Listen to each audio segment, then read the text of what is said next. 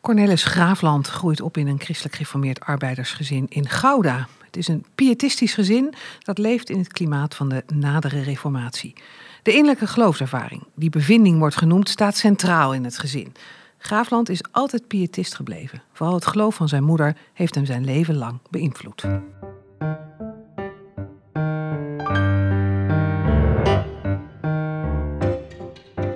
Theologie-podcast gaat over wat vandaag speelt in kerk en theologie en wil delen, inspireren en verdiepen.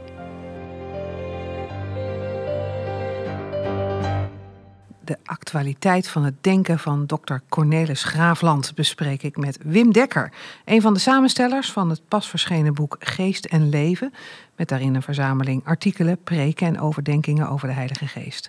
Onlangs verscheen ook de biografie van Cornelis Graafland, Tegendraads gereformeerd, geschreven door Arjan Boersma.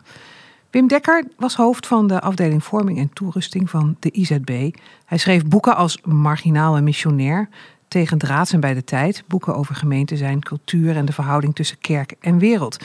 En Wim Dekker kende Cornelis Graafland goed. Jarenlang nam hij deel aan zijn studieweken en volgde hem op in het bestuur van de IZB, waar Graafland ook jarenlang zijn krachten aan gaf.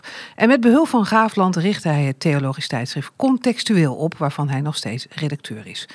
Wim Dekker is emeritus predikant, maar gaat nog regelmatig voor en is verder ook nog betrokken bij Areopagus, het Centrum voor Contextuele en Missionaire Verkondiging van de IZB. Een mond vol, Wim Dekker. Welkom. Ja, dankjewel. Wie jij bent, dat weten we nu zo'n beetje. Ja, dat is genoeg. Ja. Is voldoende. Maar wie was Cornelis Graafland?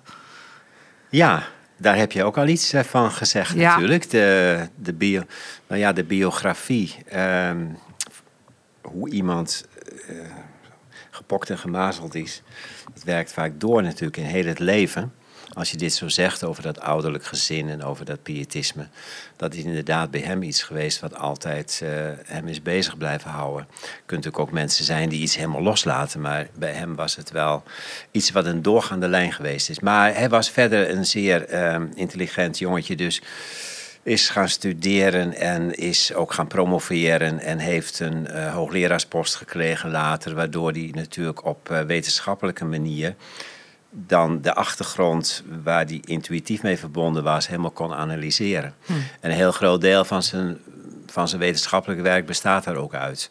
Almaar analyse van waar komt dat pietisme nu vandaan, wortelt in de reformatie of juist weer andere dingen die erbij gekomen zijn. En ja, daar zat dus ook een verlangen in om, dat, eh, om, om, de, om licht en schaduw allebei een beetje beter te begrijpen, denk ik. Mhm. Want dat was er allebei. Licht, eh, zeker natuurlijk, eh, eh, geraakt door het geloof, nooit weer kwijtgeraakt. Schaduw ook van heel veel topperigheid, eh, wat je in die kringen tegenkomt. Geloofsonzekerheid, te veel met jezelf bezig zijn in plaats van met God en zijn woord in de wereld. Dus, uh, nou ja, hij is daar zijn hele leven een beetje mee bezig geweest. Om, om, maar dan tegelijk ook om zich heen kijkend van... waar zijn die invloeden nu nog en hoe gaat dat daarmee? En heb ik daar wat te zeggen? Hij was ook hmm. iemand met een hele open blik voor de eigen tijd. Hmm. Wat voor mens was hij? Wat voor karakter had hij? Ja, dat is wel lastig, vind ik. Um, uh, heel, uh, kwam heel minzaam over. Zeer vriendelijk. Uh, maar kon ook weer heel uh, snel geraakt zijn, toch wel gevoelig voor, voor kritiek. En dan kon hij ook weer heel scherp zijn. En zo in discussies ook wel eens zo echt tot het gaatje willen gaan dat ik dacht, stop daar nu maar mee. Oh ja? Uh, ja. Want wat deed hij dan? Nou, mensen zo... Um, als iemand kritiek op je heeft, zeg maar, dan nog een hele kast met argumenten erbij halen waarom die ander toch fout zit. En jij wel het goed gezien hebt. Een soort terrier. Ja, echt een terrier. Ja. Iemand vergeleken met de afgelopen week met uh, Pieter Omzicht van de Griffenmeerde Bond. Maar daar zit wat in. Ja? Ja. Ja. ja. ja. ja. Het allemaal tot op het puntje willen uitzoeken en dan ook goed iemand invrijven dat het zo zit. Maar dat roept wel irritatie. Dat roept irritatie op. Dus het is ook een beetje. Eh, verder was het zo'n minzame man. Maar deze en toch kant je ook het bloed onder je nagels vandaan. Ja, sommige mensen werden dus toch heel boos. En jij ook wel eens? nee, want hij was voor mij altijd heel vriendelijk. Nee, ja, dat is, ja, dat is ook een beetje. Uh, het is wel een grappige vraag, want ik was het ook wel in dingen niet met hem eens. Maar uh, die kant van hem heb ik ook heel erg gewaardeerd. Dat hij ons als jongere theologen uh, heel erg stimuleerde om verder te denken. Hmm. Hij lag ook vaker in de clinch met de mensen die op de rem trapten. Ja, precies. Maar hij lag ook heel erg in de clinch met de gereformeerden. Toen in dat hele samen op weg verhaal, dat jaren geduurd heeft natuurlijk, was hij ook met van alles bezig. Maar de mensen van de gereformeerde kerken, die irriteerden hem ook op de een of andere manier. Omdat ze steeds bleven zeggen dat ze gereformeerd waren, terwijl hij aan alle kanten aan kon tonen dat ze niets meer hadden van de gereformeerde vaderen. Nee. En nou ja, dan, uh, dat vond hij dan, ja, dus... Hij had geen tolerantie voor vrijzinnigheid, begrijp ik. Ehm, nou, als ze maar open eh, zeiden uh, dat het vrijzinnig was. Ah, ja. Dan kun je er ook over praten. Als ze maar niet pretendeerden gereformeerd niet pretenderen gereformeerd te zijn en dan intussen heel vrijzinnig. En ook, nou ja, dat zat natuurlijk ook al bij de gereformeerde kerken. Dat is een andere tak van de reformatie natuurlijk, hè, via Abraham Kuyper. Mm ander soort gereformeerd. Parmante gereformeerd, uh, organiserend gereformeerd. Uh, heel zelf goed weten wat gereformeerd is. Intellectualistisch gereformeerd. Die kant. Niks pietistisch meer aan nee, te bekennen. En nee. daar, dat, daar zag hij dus ook helemaal geen brood in. Hij was, uh, hij was natuurlijk echt heel bevindelijk gereformeerd. Ja, dat is wat anders hè. Ja. Hoe was hij als predikant? Ja, mensen liepen met hem weg. Ja, Kijk, dat is, ja, dat is voor mijn tijd geweest. Dus dat moet ik ook horen van mensen. Mm -hmm. Maar we zijn nu, eh, we hebben dit boek, die boeken gepresenteerd in de kerk van Ameide. Ja, en dat was in 1953 dat hij daar kwam. Dat lijkt mij zelfs heel lang geleden, want toen was ik, nog, toen was ik net geboren. Dus, um, maar daar, daar leeft nog allemaal de herinnering. En, ah ja? Uh, ja? was het een preektijger? Ja, in alle gemeentes waar hij stond uh, kwamen heel veel mensen en ook mensen van buiten. Uh, de, daar speciaal voor naartoe. En wat, maar hoe, hoe preekte hij dan? Wat was ja, er zo aantrekkelijk aan? Daar zat iets magisch in. Ja? Ja. Uh, er, er, iets, ja, charisma, kun je natuurlijk zonder meer zeggen. Charisma, maar charisma ja, is een uh, Bijbels woord, maar is ook een psychologisch woord. Mm -hmm. En magisch is nog weer een ander woord. Ja. Ik uh, vond zelf dat het van de manier van spreken begon zo heel zachtjes. Dat begon het al meestal met zijn foto en groet, kon je hem nauwelijks verstaan. En dan zo langzamerhand werd het wat opgevoerd. Er zat ook heel veel techniek in, maar dat was weer niet dat je denkt, het is helemaal ingestudeerd. Het hoort ook wel bij hem. Maar het was toch een bepaalde manier van uh, ja, performance die je in de ban deed zijn. Ook al snap je er verder lang niet alles mm, van. Mm. Want ik heb vaak mensen gesproken die vonden het ook geweldig. En als je dan even vroeg, en wat precies? Waar ging het over? Nee, dat is, nee. En hij zei ook, hij kwam in zijn preken best ook heel vaak een heel stuk theologie mee. Hmm. Uh, waarvan ik dacht, oh, dat is wel moeilijk. Maar dat hoorden de mensen dan niet als moeilijk. Ze hoorden de bewogenheid, de betrokkenheid, het verlangen, heel veel emotie. Terwijl die, die emotie werd heel ingetogen gebracht. Hij stond niet te huilen op de preek. Nee, hij stond zeker niet te huilen. Hij vertelde wel vaak iets over zichzelf. En over zijn moeder en zo. Hm. Vinden mensen ook mooi. Tenminste, als het niet te gek is. nee, dus hij wist dat wel in het algemeen goed te doseren. Um, Was jij er ook door gegrepen? Mm, wel, de, ja, de preken, dat, de preken, nou ja, daar had ik wel eens wat mee van dat de performance, naar mijn idee, wel eens wat overheersend was. En dat dan de inhoud. Nu zeg je het wel heel diplomatiek, Wim. Ja, nou ja, ja, ja dus ik, nee, maar ergens boeit me dat ook wel. Kijk, ik vind het ook heel moeilijk om naar iemand te luisteren die iets van zijn blaadjes zit voor te, eh, voor te lezen. Hmm. Dus ik, ik hou er wel van. Als mensen werk maken van de performance, maar het kan er ook tussenin gaan staan. Tussen, tussen de boodschap. Je kan jezelf te belangrijk maken als prediker. Dat, dus dat, nou ja, ik, ik ben daar een beetje ambivalent in. Maar in de, uh, in, in, de, in de theologische gesprekken en ook in de werkcolleges en, en al die studieweken die ik bij hem gevolgd heb, vond ik het uh, geweldig. Hmm. Dat hij zo zichzelf er helemaal in gaf. Want al die docenten die je had die daar die droge stof oplepelden, dan was het een verademing om iemand uh, zo bezig te zien die existentieel bij de stof altijd betrokken was. Ja, ja. De, met hart en ziel. Ja, met hart en ziel. Ja. Hij was een man van de Gereformeerde Bond, maar toch was die relatie met de Bond ook best wel wat ambivalent. Hè? Ja. Tegen draadsgereformeerd ja. heet zijn biografie ook. Dat is niet voor niks, denk ik. Waar, waar zat dat? Ja, ehm, hoe, dichter je, hoe dichter je bij iets staat, hoe, hoe, sneller heb je er ook een conflict natuurlijk. Hè? Als je echt, echt innerlijk helemaal zo bij bent en je ook een beetje afhankelijk van gemaakt hebt van een stukje erkenning, want dat komt er dan natuurlijk ook bij, dan, eh, en je bent een heel gevoelig type, ja, dan ben je ook gauw gekwetst als het een mm. beetje fout loopt. En die achtergrond zat er volgens mij ook in dat hij afgewezen is in de christelijk gereformeerde kerken. En die christelijk kerken, dat het pietistische klimaat van dus wat nu de rechtervleugel ook is van de christelijk kerken, dat was dus de, de, de, ba, de bakermat zeg maar, van hem. En toen heeft hij ook zich aangemeld in Apeldoorn en is hij afgewezen. Nou ja, in Gouda was ook weer een wat ander soort christelijk gereformeerde kerk dan, dan, dan hij eigenlijk was. Maar goed, het lag ook allemaal al een beetje ingewikkeld. Het feit toch dat je met een verlangen om predikant te worden daar komt in Apeldoorn en dat, je dat, niet, dat het niet opgepikt is. Ja, ik denk later, ehm, zo wat. Uh, ja, kon veel beter in de Griff met de Bond, in de Vormde Kerk, allemaal prima. Maar zo, zo zijn de dingen natuurlijk niet. In het persoonlijke leven, de gevoeligheid is daar ontwikkeld, bleef ook altijd wat naar die christelijk gereformeerde hoogleraren en zo toe. Ook altijd een beetje wrijvingachtig mm. gevoel. En, uh, en in de Griff met de Bond, ja, als je zo graag. Uh, bij wat volgens jou dan de kern van de geloofsbeleving is in die kring hoort. En je wordt tegelijkertijd verdacht gemaakt. Dat gebeurde. Ja, dat gebeurde dan wel. Omdat hij ook uh, ja, van die balletjes opwierp waar de mensen helemaal niet van hielden. Trouwens, mensen houden sowieso niet van onrust, hè?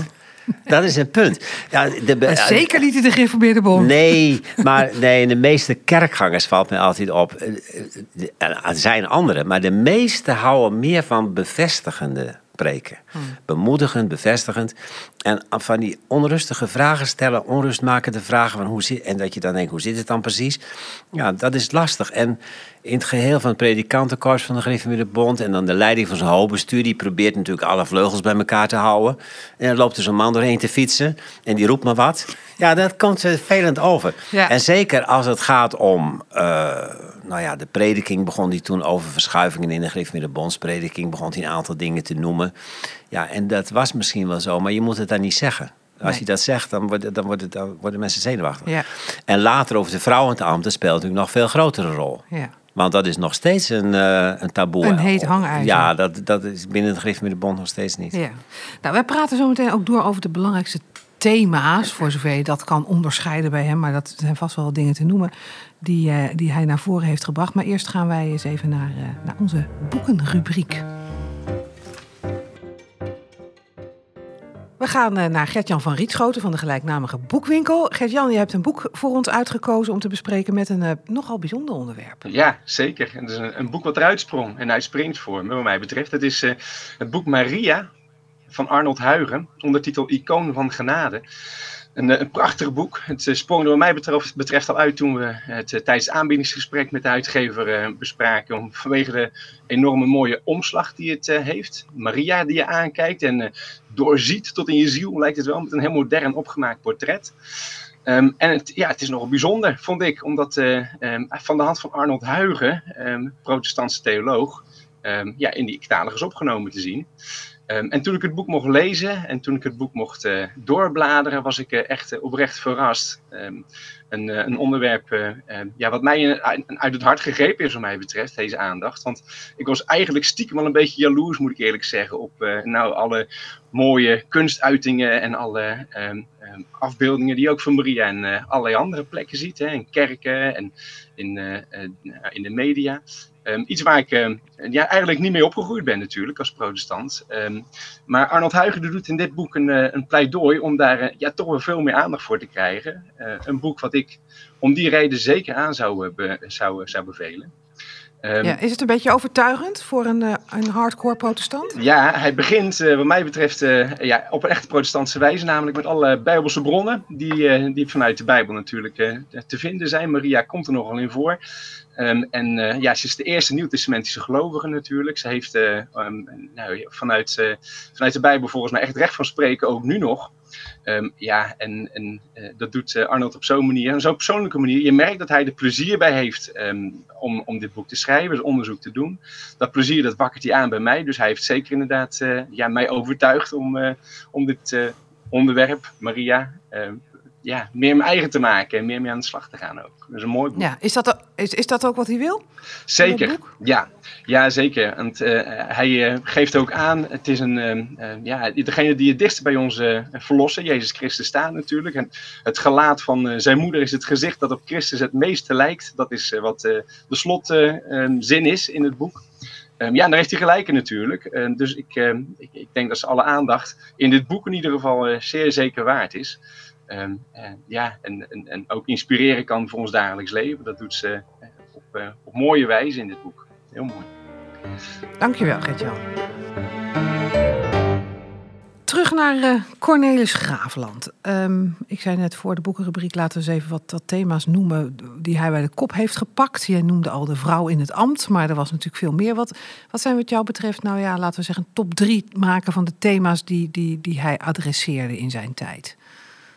Uh, hij is gepromoveerd op de zekerheid van het geloof bij Calvijn. En dat was wel een tijd lang uh, ja, waar hij waar die erg mee bezig was. In, in die tijd ook binnen de gereformeerde bond en daarbuiten in de gereformeerde bevindelijke traditie natuurlijk nog heel veel uh, onzekerheid over, ja, het is allemaal wel waar, uh, Christus gestorven voor onze zonde, maar is hij ook voor mij gestorven? En hoe weet ik dat dan en moet ik dat dan beleven en is het dan pas waar als ik het beleef? Ja.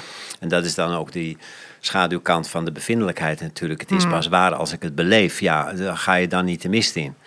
En uh, is het ook niet veel objectiever allemaal. Nou, de, daar is hij sterk mee bezig geweest. Ja. En dat speelde toen ook wel, wel, wel sterk. Uh, later is die vraagstelling toch wat, wat minder geworden. Hoewel in bepaalde kringen nog wel, wel zo is, denk ik. Hmm. Dus ik merk ook bijvoorbeeld op het ogenblik dat uh, Graafland... Ja, in de gereformeerde gemeente of... Uh, hersteld hervormde kerk en zo misschien nog wel eerder weer gelezen wordt dan, dan nu bij ons, zeg ik dan maar bij de Griff met de Bond. Ja. Omdat uh, die vraagstelling daar nog meer leeft. Mm. Maar uh, wij hebben dus gekozen in die bundel opstellen voor het thema van de Heilige Geest. Want dat speelt ook dus wat breder. Nog dan alleen die vraag van de zekerheid van het geloof. Nou, de Heilige Geest verzekert ons van, van, het, van van de belofte van God. Dus daar sluit hij bij Calvijn aan. Heilige Geest in ons hart, die werkt, die zekerheid enzovoort. Maar de Heilige Geest doet meer. En dat was altijd zijn punt dan. Van ja, de Heilige Geest die werkt dus het geloof en die versterkt het geloof en door de sacramenten. Maar, maar dat, en dan houdt het ze een beetje op in de griffmiddengezinten. En hij zei, nee, maar de Heilige Geest die geeft ook de vruchten. En over die vruchten, uh, hoe concreet en praktisch zijn wij daarover, dat valt vaak tegen. En de Heilige Geest geeft ook de gaven, de charismata eh, van profetie en, en tongentalige genezing. En ja, daar hebben we het helemaal niet meer over. Daar was Sterker, hij ook door geïntrigeerd. Ja, en ook omdat Calvijn was natuurlijk zijn grote voorbeeld wel op punt van de geloofzekerheid. Uh, terug naar Calvijn en een beetje weg uit dat latere pietisme. Maar Calvijn had op dit punt juist gezegd, die gaven die doen niet meer mee. Dat was voor die eerste tijd. Ja. En later zijn de mensen daar zo trots en hoogmoedig en raar mee omgegaan. Dat God zei, dat is niet meer nodig. Dus ja, en de Graafland zei, ja, dat is een grote leermeester Calvijn, maar daar ben ik het niet mee eens. Nee. Dus dat is, uh, dat is zeker een thematiek. En ja, omdat hij wat meer op die lijn van de Heilige Geest staat, die ook nu werkt, doorgaat, uh, dingen blijft doen, nieuwe inzichten geeft, kwam hij langs die lijn ook wel op die uh, plaats van de vrouw in de kerk en dat nou, in de vrouw in het ambt. Dus meer langs de lijn ook van de charismata, uh, de gaven die aan ieder gegeven zijn, man en vrouw. In Christus is een man en vrouw. En waarom dan niet de gaven om uh, te prediken? Uh, want de gaven van de profetie wordt dan juist in de reformatorische traditie gelijkgesteld met de prediking. Maar als dan de gave van de profetie een charisma is, gave van de geest, waarom dan niet vrouwen net zo goed. Dus, En dan bleef hij natuurlijk. En kijk, eh, straks hadden we het over dat, dat het tegen draadse en de mensen lastig vonden. Maar bleef natuurlijk ook erg op zo'n punt zo steeds inzoomen dan. Van geef nu eens antwoord, kom nu eens met wat. En dan kwamen er vaak diplomatieke antwoorden. Of men haalde ineens een hele andere theologie van Staal, bijvoorbeeld de scheppingsleer. En daar wordt dan nu ook steeds binnen de Griffmiddenbond nog steeds in gefundeerd dat de vrouw niet in het ambt mag staan. Terug naar de schepping, scheppingsordening. Ja. ja, en daar vond hij dan ineens weer een hele rare move. Ehm, en daar had hij dan weinig geduld mee. En nee, ook nee. En dat ligt ja, weinig geduld mee. Ja, ja, wat moet je zeggen? Het is al heel wat als je daar zo echt dan over uitspreekt. Want dan val je als toonaangevend theoloog zo'n kring toch een beetje buiten de, buiten de orde. En hij leed eraan, dat is echt zo, dat was ook echt een stukje lijden, dat hij dus steeds uh, gebruikt werd, zeg maar, en binnengehaald werd voor de punten waar men dan iets in zag. En dat dingen die hij even sterk meende, uh, ja, dat dan net zo gemakkelijk dat gedelete werd. Hè? Ja. En dan, dan vond hij wel ja, dood, doodgezwegen worden op bepaalde punten, omdat men er gewoon even niet meer verder wil. Dat kon hij heel slecht hebben. Ja, dus hij wilde als geheel worden aanvaard en niet, niet slechts. Nee, en dus ook op het punt van de schriftleer. Dat is ook nog waar hij zich uitvoerig mee bezig gehouden heeft. Waar hij best wel nou, behoudend in gebleven is, vind ik. Met mij ook wel meningsverschillen over had, dat ik er wat verder in ging. Maar hij heeft ook een keer heel duidelijk op een predikantenvergadering gezegd: als we nu niet eindelijk eens ons echt gaan verdiepen in het historisch kritisch onderzoek en wat er allemaal aan het licht gekomen is, dan eh, gaan wij in een zelfgekozen domheid uh, verder. Zo, hij en, was ook uh, behoorlijk scherp dan. Ja, kies maar. Wil je in een zelfgekozen domheid verder of zullen we er eindelijk eens werk van maken? Nou, okay, en zulke dingen, ja, als ik dat zo even hier zeg, dan uh, kun je wat glimlachen. Maar als dat natuurlijk heel serieus door een hoogleraar van de Bond zo neergelegd wordt, mm. te midden van, dan is dat, ja, ongemakkelijk. Gingen en mensen wat, wat een beetje moeilijk schuiven op ja, hun stoel, wat bedoelt hij dan? En hè, straks krijgen we, nou ja, en die vrouw in het ambt zit ook al voor. En dan moet je dus ook al een beetje rommelen met de Bijbel, want anders kun je er niet voor zijn. Dus zie je wel wat er dan gebeurt. En dan krijg je dat soort uh, dingen. En dan krijgen we straks nog de homofielen. En uh, nou ja, dat vond ik dan wel, dat dat er ook mee samenhing. Maar dat vond hij juist weer helemaal niet. Oh. Maar goed, er zat beweging... Kijk, er zat gewoon bij hem beweging in, in een gesprek met de tijd toch. Dus dat dat is dan misschien het laatste dat ik kan zeggen van in gesprek met de tijd. Hmm. contextualiteit. Uh, toen wij, uh, Bert Leden en ik en nog een paar mensen, uh, het tijdschrift contextueel op wilden richten, was hij ook een van de eerste die zijn steun toezegde. Omdat hij die formule van um, gereformeerde traditie, prima, maar die moet in een voortdurend gesprek met de tijd blijven en zo zich vernieuwen en verdiepen. Daar stond hij helemaal achter. Ja. Dus we hebben heel veel steun aan hem gehad, ook uh, juist in dat contextuele theologiseren. Wat vooral binnen de IZB uh, eh, verder gegaan is, natuurlijk een tak, missionaire tak zeg maar, van de gereformeerde bondsbeweging. Daar is dat eh, sterker naar voren gekomen, dat contextuele en missionaire. En daar heeft hij ook jaren in het bestuur gezeten, heeft hij ook talloze bijdragen voor uh, geleverd. Dat is wat onderbelicht gebleven in, dat, uh, in die biografie op de hmm. een of andere manier. Mm -hmm omdat het ook misschien meer ja, uh, in zijn vrije tijd, bij wijze van spreken, was. Hè. Daar was hij niet voor aangesteld. Nee. Maar lag zijn hart wel heel erg bij missionair en, en contextualisering. En het hele werk van de IZB, de evangelisten, de missionaire werkers. Ja. Ja. Even nog wat inzoomen op een paar van die thema's die jij noemt. Of misschien eerst de vraag van, van die thema's die jij noemt. Wat is daar nu nog van actueel? Nou, die contextualiteit in ieder geval lijkt mij. De geest. Ja. Ook. Ehm, maar misschien die zekerheid van het geloof. Je gaf zelf al aan, misschien wat opgeschoven naar wat andere kringen, die vragen. Um, en de schriftleer, dat lijkt me, is misschien ook niet meer een hele grote discussie. Ja, dat is wel een grote discussie. Of wel? Volgens mij zijn we daar niet veel verder in gekomen. Oh. Nee, Arnold Huigen heeft pas nog een boek geschreven, Lezen en Laten Lezen. Ja. Hè? Ja. Dat, die komt ietsje verder nog wel. Maar dat is, ligt ook alweer problematisch, merk je. Nee, kijk, er zijn natuurlijk mensen uh, op het spoor van Graafland verder gegaan. En die zitten misschien inderdaad een beetje rond dat tijdstip contextueel of uh, wat verder in de kerk overal verspreid. Maar de hardcore um, de Bond is op deze punten niet, niet echt veranderd. Dat is toch wel ja, dat, nou ja, dat komt ook wel door de tijd, de ontwikkelingen. Van, uh, men is bang geworden voor alle moderne ontwikkelingen. Die, uh, en dat heeft inderdaad met die vrouw in het ambt. Nou ja, goed, is een hele gelovige vrouw, dominees. Ja, daar moet je me niet te veel van zeggen. Maar dit, als het in het kader staat van uh, emancipatiebeweging en dan uh, man en vrouw, gelijkheid van man en vrouw en alles. Dat hele man en vrouw thema, dat is een gevoelig thema geworden. Veel meer een gevoelig thema geworden dan toen nog. Hm. En, en, en uh, gender is ook een, veel gevoeliger thema geworden. Ja. En de secularisatie, ook in de vorm van de kerkverlating. We zijn al zoveel mensen kwijtgeraakt. En de meesten die uh, wat met moderne gedachten begonnen, die zijn uiteindelijk afgehaakt. En de, de kern die je overhoudt is orthodox. Uh, dus dat is, ja, de tijdsontwikkeling is niet gunstig geweest wat dat betreft. Nee. En zou, zou je misschien kunnen zeggen dat Graafland zijn tijd vooruit was als het gaat om een aantal van die thema's, uh, maar dat de tijd niet mee is gegaan met hem, na hem? Nee. Dus dat er meer een soort terugtrekkende beweging is in die kringen dan, dan voortborduren ja. op wat hij aanreikt. Ja, hij zou, ja, hij zou, uh, nou, hij zei zelf ook aan het eind van zijn leven wel, ja degene die met mij weglopen, dat zijn eigenlijk mijn vrienden niet. En degene die mijn echte vrienden nou, zijn, nou, die willen het niet. En wie bedoelde die dan? Nou ja, dus, dus dat, dat ja, is een proces, dat zie je dan zich zo wel wat voltrekken. Zag ik ook wel wat. Dat, nou, je vrienden, dat wil niet zeggen dat die mensen niet deugen. Maar, zeg maar het geestelijk klimaat waarin jij denkt dat, dat jij een inbreng vooral zou, zou kunnen hebben. Mhm. Dat nou ja, dat versmalt toch verder.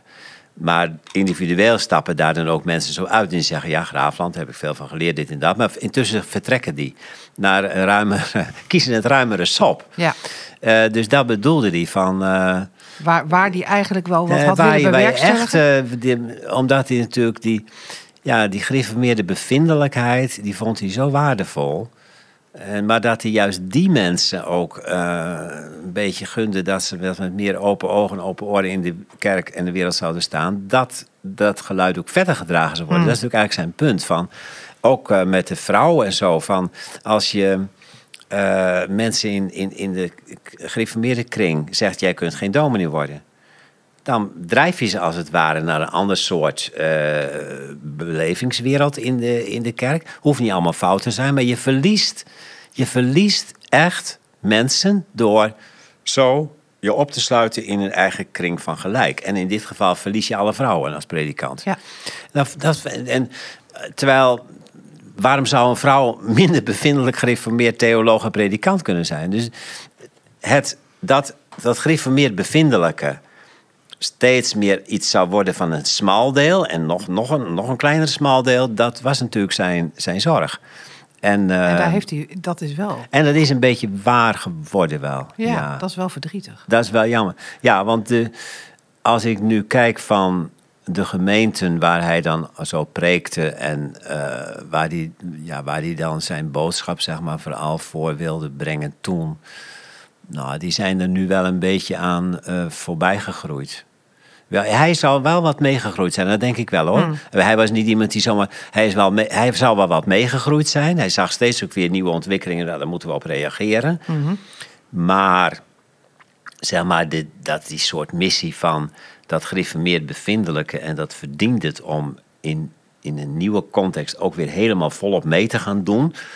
Nou, dat betekent bijvoorbeeld dat je catechismus of Nederlandse geloofsbeleidens, de gereformeerde beleidingsgeschriften, dat je die moet doorvertalen. Dat je daar uh, maar de mensen ook weer warm voor moet krijgen en zo. Uh, omdat daar zoveel geloofsgoed in zit dat het jammer zou zijn als dat afgeschaft wordt. Maar ik zie dat de catechismusprediking bijvoorbeeld in die grief met de bondsgemeente ook steeds minder wordt. En hmm. dat men zegt, nou ja, laten we regelrecht naar de Bijbel gaan en even kijken wat het praktisch betekent. Maar die hele ingewikkeldheid van die hele traditie, laat het maar even zitten.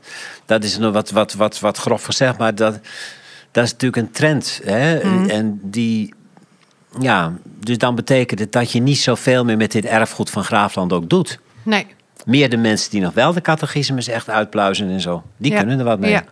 Wat ik ook wel interessant vind, jullie bundel gaat uh, vooral over de Heilige Geest, is dat je bijna zou kunnen verwachten dat hij zich dus ook ontwikkelde meer in de richting van de evangelische en charismatische theologie. Ja, evangelisch, wel charismatisch, ietsje minder. Hm. Maar ja, nou ja, daar heeft hij ook inderdaad in de bundel Geest en Leven staat een interessante ehm, uitgewerkte lezing die hij voor de Charismatische Werkgemeenschap Nederland gehouden heeft. Daar komt alles wel langs. Dan merk je ook wel de afstand en nabijheid. Eh, hij heeft de eerste, hij heeft de openingslezing gehouden bij het ontstaan van de Evangelische Alliantie. Hm. Dus dat was toen wel zijn punt. Van wij moeten die impulsen van die evangelische beweging verwerken in onze gereformeerde orthodoxie. Dan gaat het ook beter stromen, wordt het ook vloeibaar. Dus evangelische alliantie was hij toen erg voor, is ook wel gebleven, dacht ik. Charismatische werkgemeenschap Nederland, ja, daar had hij wel iets meer mee van. Is dat niet te, te modern? In de hmm. zin van, uh, ja, de de diepte van ehm, dat we verloren mensen zijn die, uh, die wederom geboren moeten worden. En dat we niet uh, zomaar een beetje de gaven van de geest aan de schepping en zo kunnen verbinden. Het beste van de mens en dat wordt dan nog bekroond door de geest. Nou ja, hij was bang dat dat een beetje te vloeiend werd hmm. en niet, niet kritisch genoeg nee. Eh, bleef. Nee. Maar goed, hij was daar natuurlijk mee in gesprek en zij uh, nodigden hem ook uit om daarover te hebben, ja. over die charismata. Hoe zou die nu naar de kerk van nu kijken, denk je? Nou, ik denk, ja. Hij was aan het eind van zijn leven zeer uh, ongerust en ook boos op het, uh, het samengaan van, uh, protest, van hervormde en gereformeerde kerk. Hmm. Omdat hij zei 1 plus 1 is 0 en, Zo. en 1 plus 1 is nou, op zijn best 1. Maar ehm, dus twee zinkende schepen die aan elkaar gekoppeld worden, gaan naar de ondergang. Dat hebben ook veel mensen weer heel erg kwalijk genomen. Vonden dat ineens heel negatief. Terwijl die jaar en dag ook eh, juist tegen de Griff de Bond gezegd had: jullie moeten wel meedoen. Oh. Ja, altijd gezegd, jullie moeten wel meedoen. Hou op met die kerkpolitiek van uh, zo lang mogelijk tegenhouden.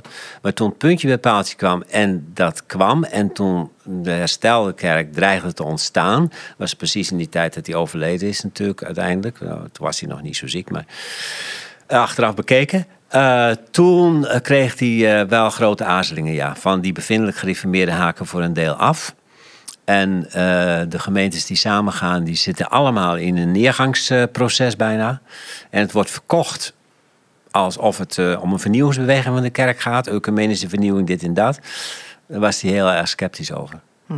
En nu zou hij ook, ja, nou ja, ja een beetje zeggen van... Uh, het proces zoals ik dat voorzien heb van 1 plus 1 is 0, dat is wel zo'n beetje uitgekomen. Ja, daar heeft u wel gelijk in gekregen.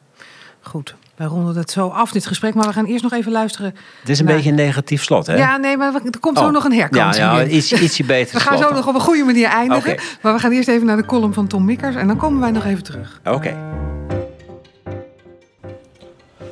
Als kind leerde ik nog dat je na de dood naar de hemel ging of naar de hel. En dat laatste verontrustte me zeer. Ik zal een jaar of acht geweest zijn toen ik mijn moeder de vraag stelde hoe dat nou zat met die hel. Gingen kinderen er eigenlijk ook naartoe? Mijn moeder was er duidelijk over. Tot je achttiende kon je niet in de hel komen. Dat laat de kinderen tot mij komen was een keihard principieel gegeven. Kinderen gingen rechtstreeks, full speed, eerste klas, door naar de hemel. De opluchting bij mij was enorm. Tot mijn achttiende was ik vrij van zorgen. Het hiernamaals is eerder gezegd vanaf dat moment bij mij steeds meer op de achtergrond gekomen. Het geloof ging over goed zijn voor je naaste, over gebed, over met z'n allen en delen natuurlijk. Het ging over maatschappelijke vraagstukken, over homo's en emancipatie, de aarde al dan niet in zes dagen geschapen of vrouwen achter het altaar. Maar het ging niet meer over de hemel, laat staan over de hel. Wat in mijn omgeving wel terrein won, was het geloof in reïncarnatie. Met name in de eerste fase van de liefde diende dit concept zich aan. Soulmates heten ze. De koppeltjes die hun liefde kracht bijzetten met de aanname dat ze elkaar in een vorig leven ook al kenden. Soms kwam de hemel weer even voorbij tijdens een begrafenis, maar anders dan vroeger. Niet meer als de ultieme plaats van verlossing, maar als een andere dimensie waar onze dierbare doden vreedzaam vertoeven en naar ons kijken. Mijn vader is een ster. Doodsangst zullen we denk ik nooit helemaal overwinnen. Maar het eeuwig leven is denk ik voor de meeste mensen veel vriendelijker geworden dan het vroeger was. De dreiging van de hel is er voor heel veel mensen vanaf. Het volksgeloof is een andere richting ingeslagen. Het licht gaat gewoon uit aan het eind van de rit. Dat is algemeen beschaafd Nederlands geloof.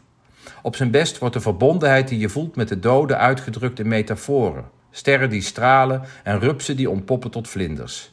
De liefde blijft. De gedachte dat God jou gaat redden om eeuwig te leven, laat heel veel mensen koud. En ze geloven het niet. Persoonlijk en dicht bij jezelf blijven is in, ook als het over dat laatste afscheid gaat. Uitvaarten die ik bijwoon lijken soms meer op een lange aflevering van My Year on Facebook dan op een buiging voor onze lieve Heer. Of dat erg is?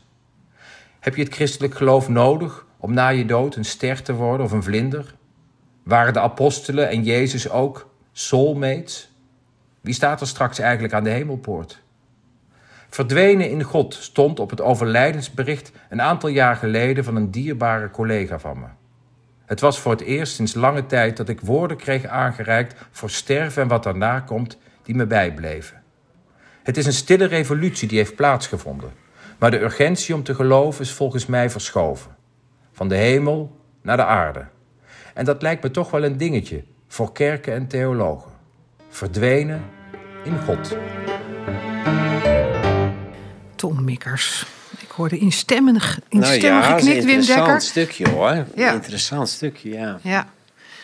Even nog naar Graafland, want wij gaan het gesprek afronden. En je zei net, ja, ik wil, we moeten nou niet op zo'n negatieve noot eindigen. Zeg, laten we dan eens positief eindigen over Graafland. Wat, wat gaat er mee van Cornelis Graafland in jouw leven en ook in de kerk? In ieder geval de, de hartstocht voor de zaak. Ik, uh, het gevoel van urgentie.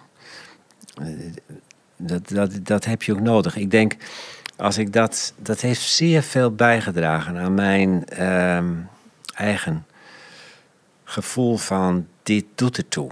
Uh, een hoogleraar en iemand die je steeds stimuleert, met wie je ook vrij makkelijk in gesprek komt. Uh, die, die het gevoel geeft van ja, we hebben het hier wel over de, de hoogst belangrijkste dingen. Ja. En ehm, dat, ja, dat miste je toch wel. Ik, ik, ja, ik, ik miste dat ook heel vaak bij verder overigens waardevolle docenten. Natuurlijk, je moet ook gewoon 1 en 1 is 2 leren en nog een hoop van die andere dingen. Moet je ook gewoon leren. Maar de hartstocht voor het evangelie en dat het verbonden is met ook denken. Uh, denken over de dingen. Dat dat dus niet gescheiden werelden zijn. Geloof en uh, wetenschap met elkaar verbonden. En hoe dieper je erin duikt met je verstand, hoe meer kun je ook hartstochten bij ervaren. Nou, die, die combinatie. En dat hij ook uh, zich altijd weer door nieuwe vragen uit liet dagen. Nooit, dit is het. En dat is niet alleen typisch voor de Bond, heb ik gemerkt, maar ook voor allerlei andere stromingen. Er zijn heel veel mensen van ik sta hier, dit is ongeveer het verhaal, dit is mijn verhaal. Een ander kan er anders over denken. In onze postmoderne tijd is dat nog veel sterker zo geworden. Ik mis in de kerk ook echt het gesprek. Mekaar is gewoon even goed lastig maken, doorvragen. Nee, nou ja, jij gelooft dat goed, ja prima, ik geloof dit.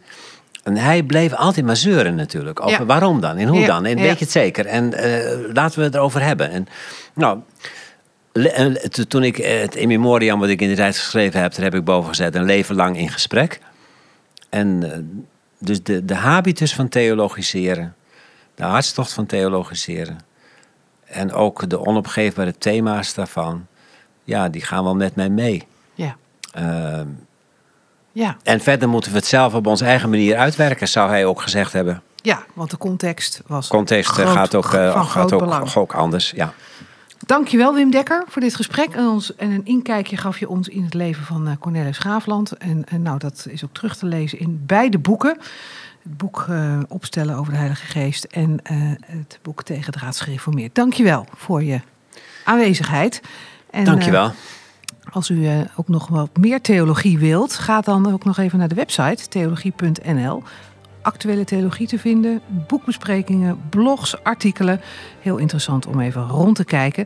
En uh, over een aantal weken zijn we er weer met een volgende podcast. En u kunt zich ook abonneren op deze podcast. Doe dat even via uw favoriete podcast-app. Graag tot de volgende keer.